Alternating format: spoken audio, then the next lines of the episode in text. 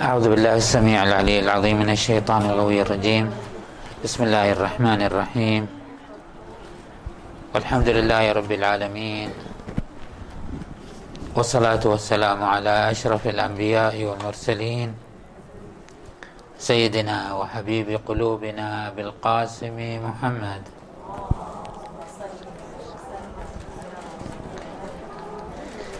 وعلى أهل بيته الطيبين الطاهرين. المعصومين الميامين. والحمد لله رب العالمين. قال عز من قائل في محكم كتابه الكريم بسم الله الرحمن الرحيم. إن المسلمين والمسلمات والمؤمنين والمؤمنات والقان والقانتين والقانتات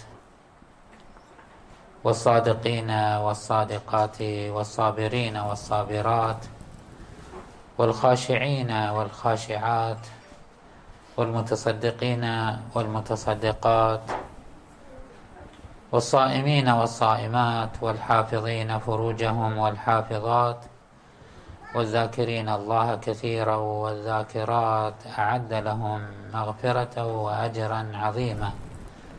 صدق الله العلي العظيم.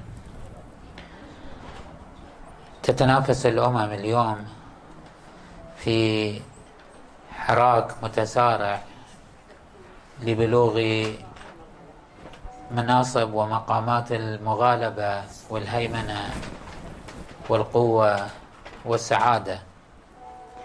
ولكن تختلف الأمم في منظوماتها الاجتماعية بمعنى أنها كل أمة تطرح لنفسها منهجا ومسارا ومسلكا تفترض أنه يحقق لها أهدافها من السعادة والإطمئنان ورغيد العيش والقوة والغلبة وبسط اليد.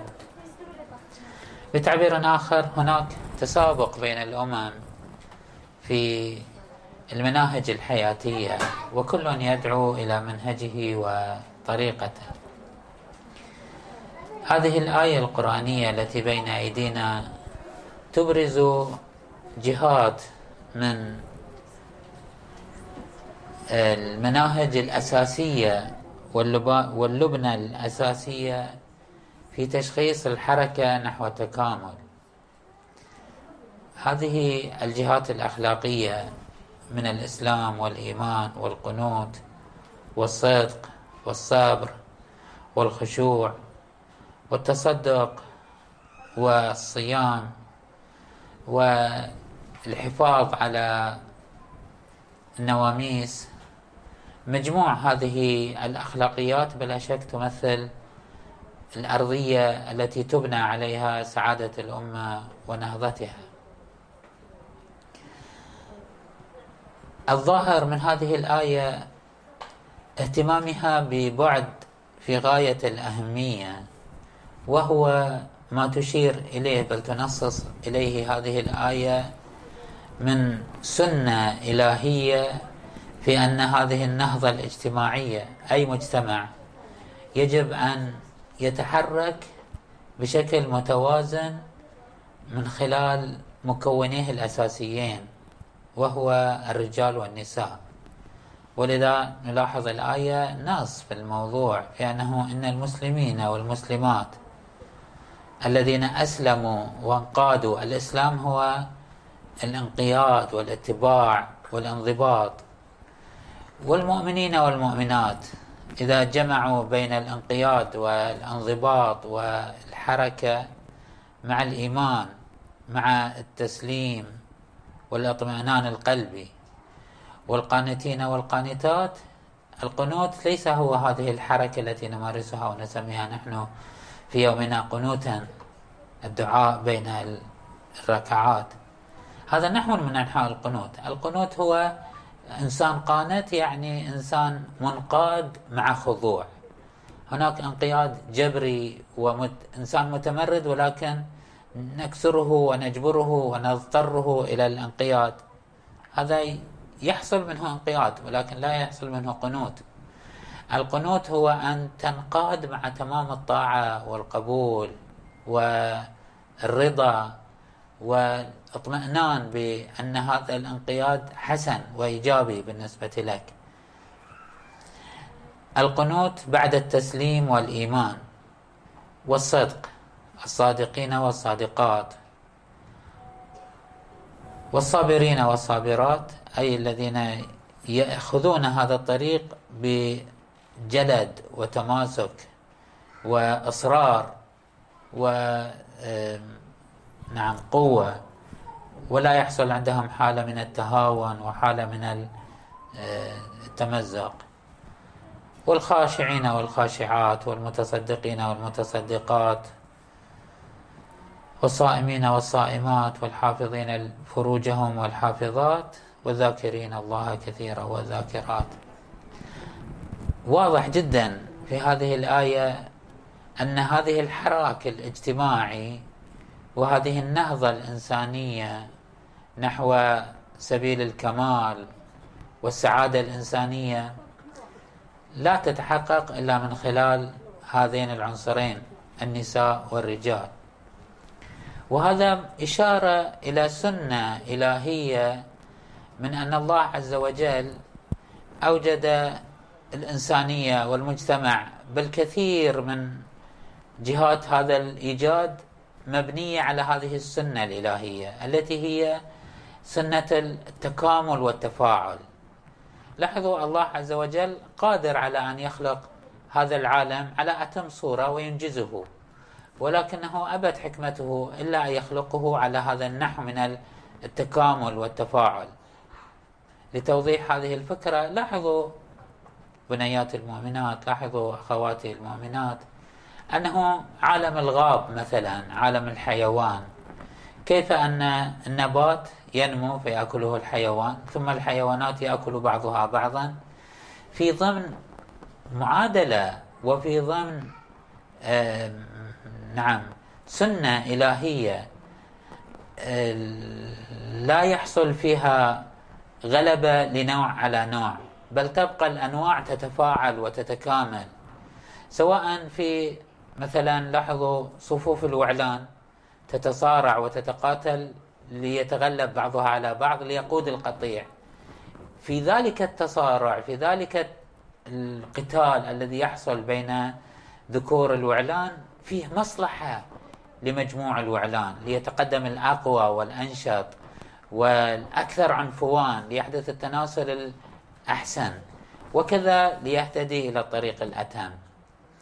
عندما تهجم مثلا الحيوانات المفترسة على قطعان الغزلان أو على قطعان الحيوانات النباتية فإنها في بذلك بقاء الحيوانات المفترسة من جهة واستمرار لحياة قطعان الحيوانات النباتية. في لساننا الدارج نحن الأحسائيين عندنا مثال نقول آه، لا يهلك الذيب ولا يفنى الغنم. صحيح؟ يعني هذه المعادلة تحافظ على بقاء جنس الذئاب فلا تهلك جوعا. وفي نفس الوقت لا يسلط الله الذئاب على الغزلان وعلى الغنم فتفنيها. بل تبقى هذه الحالة من التفاعل تحقق للمجموع حالة من الاستمرار والبقاء بل حالة من التكامل والديمومة. هذه السنة الإلهية أنه حالة التفاعل والتكامل أعطاها الله عز وجل كثير من التجمعات الحية في النباتات في الحيوانات بين الحيوانات وأصنافها وكذلك في دائرة الإنسان. يعني في دائرة الإنسان القضية أوضح وأجمل وأتم في أن بلوغ الإنسان مراتبه العليا كان بإمكان الله عز وجل أن يخلق الإنسان كاملا سويا بالغا مناه بأتم السبل. ولكن الله عز وجل أبت مشيئته وحكمته إلا أن يكون طريق التكامل من خلال هذا التفاعل من خلال هذا التمازج بين الرجال والنساء. فأعطى كل منهما أعطى للرجال خصائص وأعطى للنساء خصائص شبيه بما أعطى الذئاب والوعول والغزلان. لا أريد أن أشبه أحد بالافتراس وأحد بال... وأنا أريد أقول أعطى كل منهما ما يحتاجه لتحقيق الهدف النهائي. العلاقة بين الذئب و نعم الشاة علاقة عدائية وعلاقة استئصال. بينما العلاقة بين الرجل والمرأة ليست كذلك وإنما علاقة تكامل وعلاقة تفاعل وعلاقة سخرية. ماذا ما يعني سخرية؟ الله جل وعلا يقول في آية أخرى نعم يقول الله عز وجل أهم يقسمون رحمة ربك؟ نحن قسمنا بينهم معيشتهم في الحياة الدنيا ورفعنا بعضهم فوق بعض درجات ليتخذ بعضهم بعضا سخرية. السخرية يعني ليس المسخرة والاستهزاء والاستخفاف سخرية يعني يستفيد بعضهم من بعض يستخدم بعضهم بعضا يسخر بعضهم بعضا لاحتياجاته. هذا ليس خاص بين الذكور والإناث هذا يتحقق بين الأغنياء والفقراء بين العلماء والجهال بين مثلا مراتب المجتمع وطبقات المجتمع. فنجد أنه كل طبقة وكل شريحة من المجتمع تحتاج إلى الشرائح الأخرى. الشباب يحتاجون إلى الكبار الكبار يحتاجون إلى الشباب النساء يحتاجون إلى الرجال الرجال يحتاجون إلى النساء. وكل واحد من هذه الشرائح يضفي على المجتمع آه، صفة معينة. مثلا نلاحظ أن الشباب يعطي المجتمع حالة من الطاقة والحيوية والفاعلية طبيعة الشاب هكذا. الشاب ذكرا كان أو أنثى. طبيعة الشباب عنده نية للتجديد والفاعلية والحيوية والتفعيل. أكثر منها حالة من التفكير والتأمل والتريث والنظر. بالمقابل الشيوخ الشيوخ يعني كبار السن. الشيوخ يعني أصحاب التجربة. ليس المقصود بالشيوخ يعني الروحانيين. الشيوخ أصحاب التجربة عادة يضفون على المجتمع آه، صبغة من الوقار والحكمة والتأودة والتريث والاتزان. لو أن الطابع الشبابي طغى على المجتمع سوف يتحول المجتمع إلى مندفع إلى متهور إلى حالة من الهجومية إلى حالة من التقلب والتغير والتبدل. ولو أن المجتمع صبغ بحالة من الغلبة للشيوخ وكبار السن والمفكرين سوف يصاب بحالة من الترهل بحالة من الثقل والبطء في الحركة وعدم الحيوية. يفهم الأمور ولكنه لا يفعلها. من نفس هذا المنطلق نفهم ماذا يعني أن للمرأة موقعا في بناء المجتمع. عندما تزوى المرأة وتدفع عن دورها في بناء وحركة المجتمع بما أن المرأة هي البعد اللطيف والشفاف والرقيق هي أشبه ما تكون بالروح في الجسم. الجسم مادة خشنة غليظة آه، مكون من عضلات ومن آه، مثلا أعصاب ومن فاعلية ومن حركة وخشونة ولكن الجسم بلا روح يصبح مجرد متحجر وخشبي وحاد وخشن.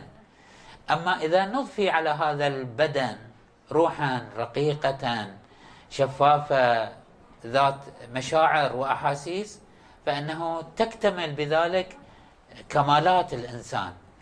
شبيه بهذه الحالة من التركيبة بين البدن والروح شبيه بهذه لاحظوا هذه الأمثلة ليست تصور الحقيقة في كل جهاتها. نحن مثلنا أن العلاقة بين الرجل والمرأة كالعلاقة بين الذئب والغنم. مثلنا بأن العلاقة بين قسم الرجال والنساء كالعلاقة بين الروح والبدن. مثلنا هي الغرض أنه هناك اختلاف بين هذين الصنفين ولكن هذا الاختلاف ليحقق الغرض والمصلحة وتكامل الهدف ولكن هذه المصلحة ليست من خلال التصارع والتدافع. بل من خلال التكامل. وإضفاء كل منهما خصائصه إضفاء كل منهما خصائصه وإيجابياته في مجموع المجتمع. عندما آه، تبعد المرأة ويقلل من شأنها وتزوى عن فاعليتها فإن المجتمع مهما أوتي من أسباب المغالبة مهما كان قويا مهما كان مخترعا مهما كان بديعا مهما كان إلا أنه سوف يبقى أعرجا. لن يستطيع أن ينطلق إلى مستويات, الكمال. لا على مستوى تفعيل الأسرة ولا على مستوى البنية الاجتماعية العامة بل سوف يبقى مختلا. فيه أبعاد تطغى على أبعاد. وعندما نعطي المرأة دورها. لاحظوا هنا يجب أن نلاحظ جهتين. نعطي المرأة دورها من جهتين يعني من جهة أولى نعطيها المساحة التي آه، تستحقها وهي نصف المجتمع. فنعطيها نصف المساحة نعطيها حقها من التأثير والفاعلية. نعطيها مساحتها الصحيحة في التأثير والمساحة الصحيحة لإضفاء ما في مكنونها من خصائص ومن قدرات. قد يفتقر الرجل إلى هذه الخصائص والقدرات. الرجل مهما كان مهما بلغ من كماله يبقى إنسان ذو خصائص معينة. فيه من القوة فيه من الخشونة فيه من الاندفاع فيه من العضلات فيه من الحيوية فيه من الفاعلية. ولكنه بطبيعة الحال لن يكون قادر على أن يتوفر على الرقة واللين والعاطفة والحنية وما تمتاز به المرأة. لن يستطيع الرجل أن يضفي على المجتمع على الأسرة على البيت على ما تنطوي عليه المرأة. يعني كما أن الرجل ينطوي على معاني معينة يحتاجها المجتمع يجب أن يعطى الرجل المساحة الصحيحة والطريقة الصحيحة ليحقق هذه الإيجابيات التي ينطوي تنطوي عليها شخصيته. كذلك يجب أن تعطى المرأة هذه المساحة. هذه جهة وهي المساحة التي يجب أن تمارس فيها المرأة دورها. الجهة الثانية وهي في غاية الأهمية هي أن تكون هذه المساحة تملأ بالطريقة الصحيحة. ليس مجرد أن نقطع المساحة نج... نعم نقسم المساحة الاجتماعية إلى قسمين متساويين. ونجعل للمرأة قسم وللرجل قسم. لأنه بهذه الطريقة لن يستطيع الرجل أن يحقق المطلوب في قسمه ولن تستطيع المرأة أن تحقق المطلوب في قسمها. بمعنى أنه لو قلنا للرجل والمرأة في الأسرة أنه يوم لك الإرادة الإدارة ويوم لها الإدارة. لا يوم الرجل يكون صلاح ولا يوم المرأة يكون صلاح.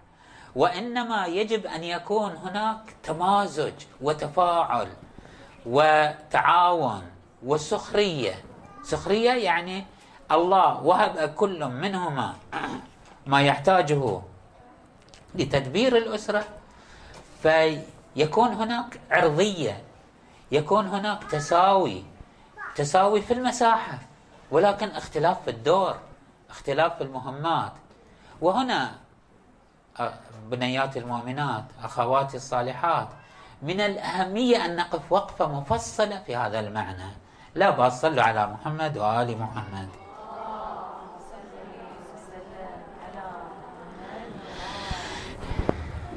اليوم اللهم صل على محمد وآل محمد. اليوم هناك مشاريع إنسانية ضخمة تدعو إلى آه، دفاع عن حق المرأة ورفع من شأن المرأة وحقوق المرأة وحرية المرأة. عناوين جذابة ولطيفة ومقبولة أيضا بل هي هدف من أهداف الكرامة الإنسانية. ولكن كل الكلام في أنه ما هو مصادق هذه العناوين. آه، هل سمعتم بشيء اسمه التنمية المستدامة؟ هناك اتفاقات دولية. لاحظوا أيتها الصالحات أيها المؤمنات. اتفاقات دولية يعني أعم من هذه الحكومة أو تلك. الأمم المتحدة تجلس في مؤتمرات منذ أكثر من عقود لعله 1970 73 75 79 يعني كم سنة من الآن؟ 1900 1975 مثلا. كم عقد الآن مضى؟ في تلك العقود المتباعدة اتفقت الدول على أن تلتزم بشيء اسمه التنمية المستدامة. في ضمن هذا الاتفاق الدولي التنمية الاستدامة المستديمة يعني أن يكون هناك تطور بشري على كل الأصعدة هناك مساحة في البعد الإنساني. يعني هناك بعد اقتصادي هناك بعد مثلا في البيئة هناك بعد في آه، مثلا المحافظة على نقاء الجو والزراعة وما شاكل ذلك. هناك مساحة مخصوصة بالبعد البشري. في الجهة الإنسانية. هناك في هذا البعد هناك فرع يسمونه اتفاقية سيداو. سيداو يعني البعد الإنساني في دائرة البشر.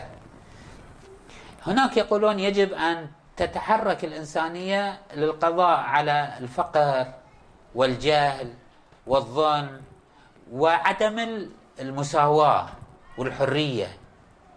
في بعد عدم المساواة يبحثون في أنه الرجل والمرأة جزئين متماثلين للإنسان. يجب أن نزيل عنهما أي نحو من أنحاء التمييز. يجب أن لا نميز بين إنسان وإنسان. لا بالعنصر ولا بالمذهب ولا بالدين ولا بالذكورة والأنوثة وإنما يكونا متساويين. متساويين لاحظوا هذا الطرح الأممي. وهذا الآن سوف يلزم فيه الدول وسوف يتحول من مجرد قوانين إلى من مجرد مبادئ كلية إلى قوانين مفعلة سوف تسرى في كل الدول التي تلتزم بهذا الاتفاقات الدولية. وهذه الاتفاقات الدولية كما أشرت لكم اتفاقات إنسانية واقتصادية يعني لكي آه، تقبل أي دولة متحضرة في المجتمع الإنساني يجب أن تساهم في المحافظة على البيئة تساهم في المحافظة على آه، مثلا الصحة تساهم في المحافظة على كل الجهات وبما فيها المحافظة على صلاح الإنسان. صلاح الإنسان أن تكون هناك حركة للتعليم وأن تكون هناك حركة في إزالة الفقر وأن تكون هناك حركة في إزالة التمييز بين الذكور والإناث. ماذا يترتب على لاحظوا خطورة هذه العناوين ومؤدياتها. وأنه الأمم كلها يجب أن تصل إلى حالة متشابهة من المساواة بين الرجال والنساء. ماذا تقصدون بالمساواة؟ أن نزيل كل الشرائع المتوارثة عند المسلمين والهندوس والأمم البوذية. نزيل كل هذه الآداب والسلوكيات ونوحد الحركة الإنسانية في المساواة بين الرجل والمرأة. فنزيل القانون الإسلامي ما يترتب ما يدعو إلى مثلا آه، شؤون العائلة والزواج والطلاق كل هذه القوانين يجب أن تزال وتوضع محلها قوانين تحفظ على مصالح المرأة كما تحفظ على مصالح الرجل ماذا يعني هذا الكلام؟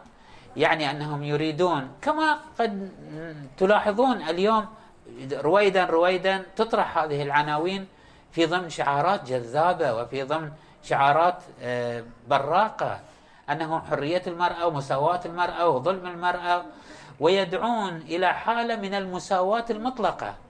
فلا يحق للرجل أن يتزوج أكثر من واحدة والمرأة لا تتزوج أكثر من واحد. لا معنى له. ليس من الصحيح هذا منطقهم طبعا. ليس من الصحيح أنه عقد النكاح يكون للرجل حق الطلاق والمرأة ليس لها حق الطلاق.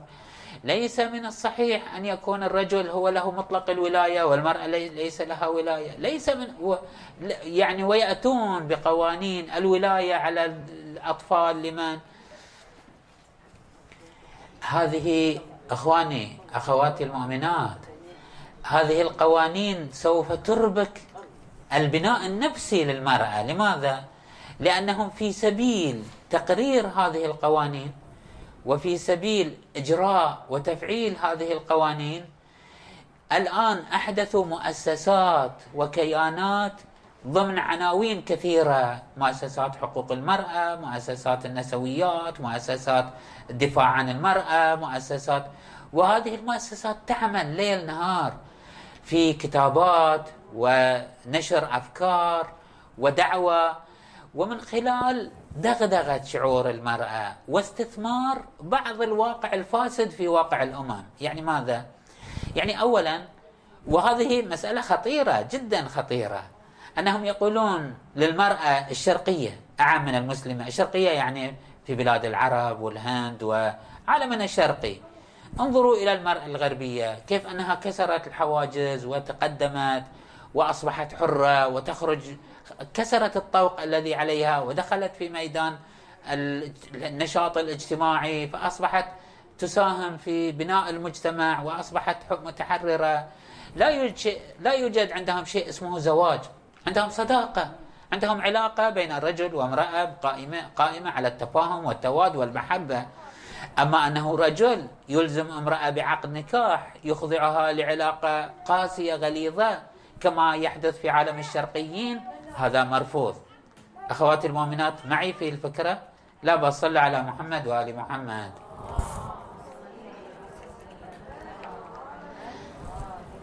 وفي الحقيقة هم أخذوا بعض السلبيات الواقعية الجارية في مجتمعنا في مجتمع الشرق الأوسط بشكل عام وكذلك في مجتمعنا الإسلامي وكذلك في مجتمعنا الفعلي الذي نعيشه. هناك ظلامة ليست بالقليلة. لاحظوا أخواتي هناك ظلامة. ليست قليلة على المرأة بسبب أن الممارسة العوجاء التي يمارسها كثير من الرجال بعنوان الشريعة وبعنوان الدين وبعنوان القيمومة للرجل بعناوين التي ورثناها ولكن يطبقونها تطبيقا أعوج. يثير في نفس المرأة شعور بالظلامة شعور بالاضطهاد شعور بالإعوجاج في هذه الشريعة. هم لا لا يميزون كثير من الناس. لا يميزون بين الاعوجاج في التطبيق والاعوجاج في أصل الشريعة. عندما تواجه المرأة بمقدار من الظلم والاضطهاد ثم تذهب لتشتكي فيقال لها ليس لك حق وليس لك هذا يورث حالة من الانفعال من الانزعاج. بينما يجدون الطرح المقابل يد يوفر لها كل مستويات الحرية والانفلات والانطلاق. فتجد أن هناك تفاوت بين هذا الواقع الظالم وذاك الواقع المنفلت الذي يعطيها مساحة كبيرة من الحق فهذا يشعرها أن هذا المنهج الجديد منهج الحرية منهج الانطلاق منهج نعم الليبرالية منهج الانفتاح هو المنهج الذي يتوافق مع مزاجها. هذا من جهة. ومن جهة ثانية يدغدغون عند المرأة وطبيعة الإنسان فضلا عن المرأة بالخصوص عاطفية عندما يقال لها تعيشين حالة من المحبة والمودة والرومانسية بدل هذه الحالة الجافة الخشنة كثير من الفتيات يشعرن أن هناك مساحة من الجمال والبهاء يدعون إليه. في حال أننا لو نظرنا نظرة سريعة إلى حال المرأة في بلاد الغرب نحمد الله على ما تعانيه المرأة حتى ما تعانيه من قسوة وغلظة في مجتمعنا فإنها أفضل ألف مرة مما تعانيه المرأة في عالم الغرب من حالة من التيه والضياع والضنك والقلق والاضطراب. يقول أمير المؤمنين عليه أفضل الصلاة والسلام في تبيين أهمية أن آه، تعيش المرأة حالة من الحصانة والإطمئنان. يقول سلام الله عليه صيانة المرأة يعني إبعادها عن متاهات التدافع صيانة المرأة يعني أن تعيش حالة من النعيم في بيت زوجها في حالة من الشعور بأن هناك متولى عليها وأن هناك من يرعاها وأن هناك من يحفظ لها كرامتها وأن هناك من يحقق لها احتياجاتها. فإن ذلك صيانة المرأة أنعم لحالها.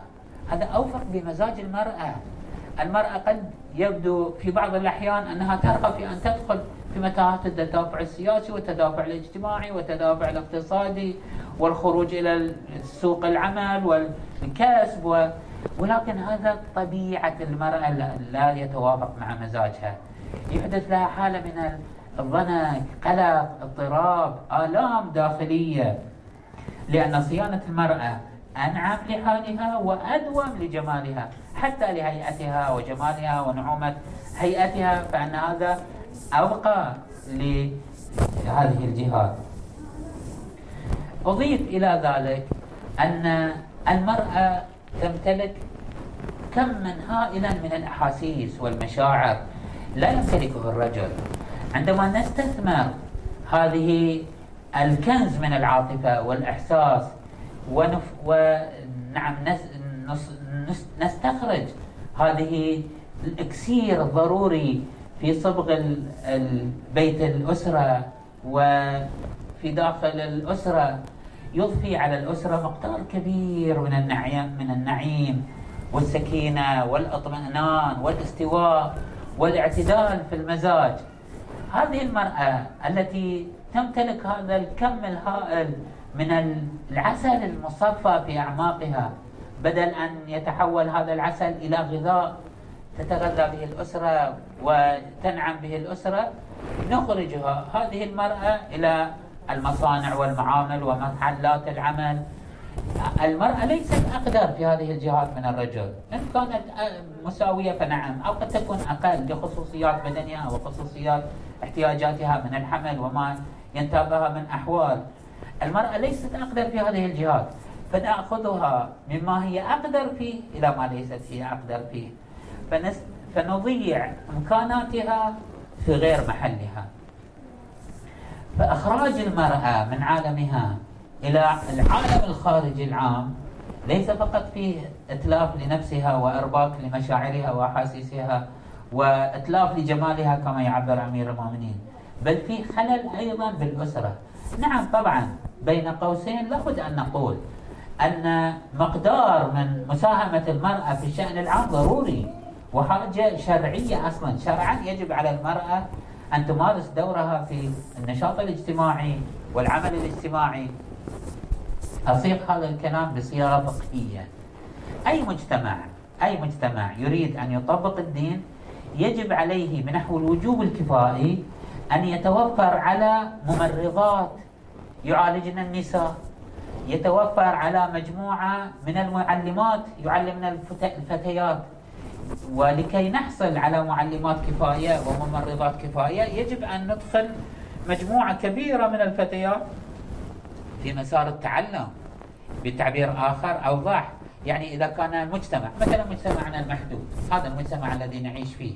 نحن هذه الطائفة المحققة في هذه الدائرة الخاصة.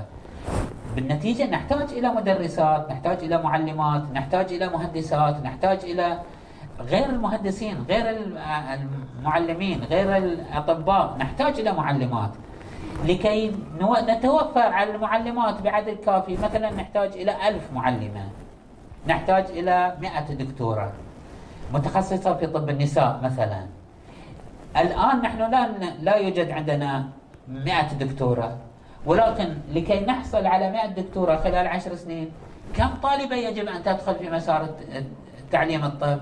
يجب ندخل ندخل مثلا آه، عشرة آلاف طالبة أو خمسة آلاف طالبة لأن ليس كل ها ها يعني كل هذه الطالبات سوف ينجحن في النتيجة. من خمسة من هذه الخمسة آلاف سوف يسير في حركة التعلم ألف طالبة تصل إلى حالة دراسة الطب.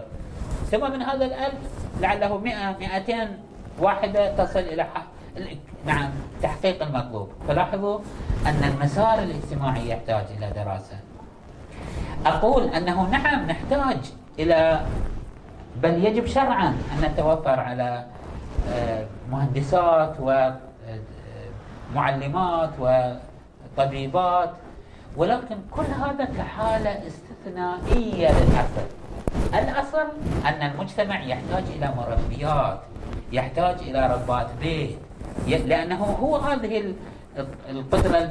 نحن لا نأتي بدكتور. مثلا لو كان عندنا ألف دكتور رجل لا نأخذ هؤلاء الدكاترة الرجال ونجعلهم يصلحون السيارات.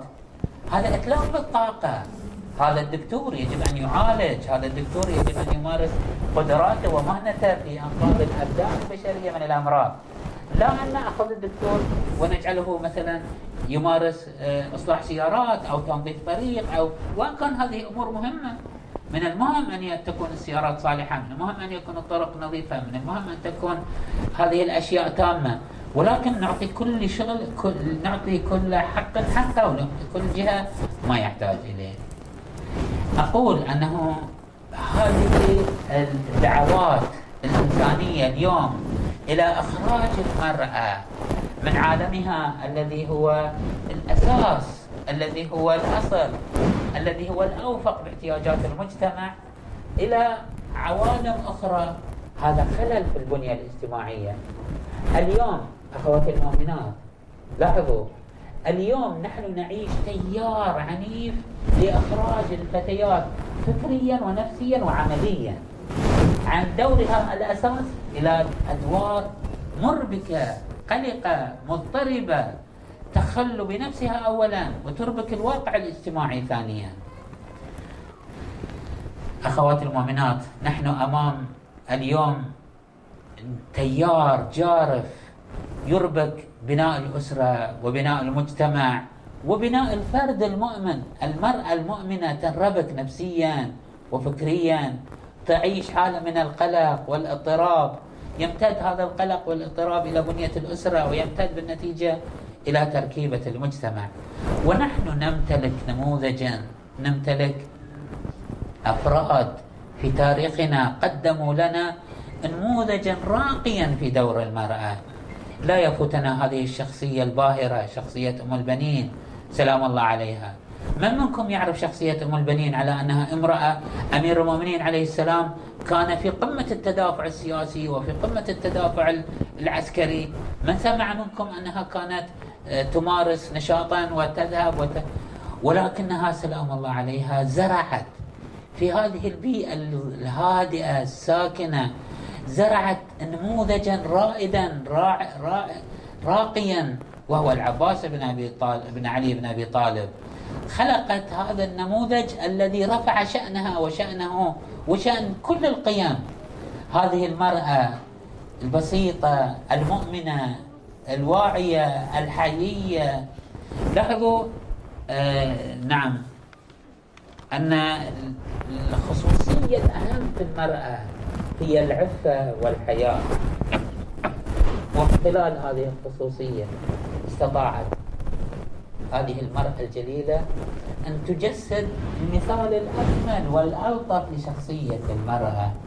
شخصية المرأة التي حققت في التاريخ موقعا ومؤشرا بقى خالدا لها إلى اليوم. كل من يذهب إلى البقيع ليقف أمام قبرها ان الأعداء أصبحوا من الحساسية بحيث يمنعون الذهاب إلى جهة قبرها. سلام الله عليها. لما لهذه القبر من إضاءة ونبض وحيوية؟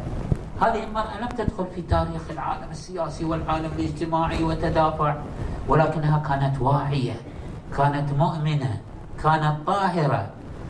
لاحظوا أخواتي المؤمنات المسألة ليست سهلة المسألة شاقة شاقة على الناس. تحتاج إلى إيمان تحتاج إلى جهد تحتاج إلى مجاهدة. أن تدخلي أنت أيتها المؤمنة في مع ذرة من ذراتك أن يكون زوجك متزوج أكثر من واحدة. ثم أن تقدمي أبناء ذرتك على أبنائك. بل أكثر من ذلك أن تزرعي محبة وولاء عجيبين في نفوس أبنائك لأبناء ذرتك ولزوجك. هذه العملية عملية أنثوية بالأصالة. هذه قدرة لا يمتلكها كثير من الرجال. تمتلكها عادة المرأة أنها تستطيع. ومن خلال هذه العاطفة الجياشة ومن خلال هذه المحبة ومن خلال هذا الولاء الصادق ومن خلال هذا الوعي ومن خلال هذا الإدراك. طبعا هذا يحتاج منها إلى أن تتجاوز كثير من النوازع الأنثوية. يحتاج منها أن تدفع كثير من الدوافع الغرائزية الطبيعية. المرأة بطبعها تتعلق بأبنائها المرأة بطبعها تعيش في ذاتها. الإنسان بطبعه يعيش هذه الحالات من الأنانية ومن الذاتية. ولكن أن تتجاوز امرأة كل هذه الأمور لتستطيع أن تخلق لنا هذا المقدار من المحبة من الصدق من الولاء من ال... هذا حالة استثنائية وحالة جميلة وحالة في, وحالة في غاية اللطافة. ولذلك تأفو القلوب ولذلك تتعشق الأنفس. هذه الكائنة عندما تستطيعين أنت أيتها المؤمنة أن تدوسي على كل أحاسيسك ومشاعرك لتزرعي في, في نفوس أولادك قيم الجمال وقيم المحبة. فإنك بذلك تصنعين وتخلدين تاريخيا من خلالك ومن خلال أبنائك. نرجو من الله سبحانه وتعالى أن يمن علينا بمعرفة هذه الشخصيات الجميلة ذات الأثر الصارخ في تاريخ الإنسانية الذين أبقوا أثرا وملايين من الناس جاءوا وذهبوا لم يسمع عنهم التاريخ شيء. ولكن مثل هذا النماذج التي صبغت التاريخ بصبغتها بعد أن بذلت كل مجهودها. طبعا هذه المرأة بذلت مجهودا في مكانه. أولا أخذت المساحة الصحيحة وثانيا الطريقة الصحيحة في ملء المكان الذي كان يجب أن تملأه. نرجو من الله سبحانه وتعالى أن يدفع عن فتياتنا وبناتنا ونسائنا وساوس الشيطان وشياطين الجن والإنس ويأخذ بأيديهم إلى طريق الصلاح والفلاح لأن في ذلك نجاحنا ونجاح مجتمعنا وسلامة أبنائنا وسلامة أرواحنا لأنها هي التي تشكل مع الرجل تمام الروح والإنسانية. والحمد لله رب العالمين. وصلى الله على محمد وآل بيته الطيبين الطاهرين.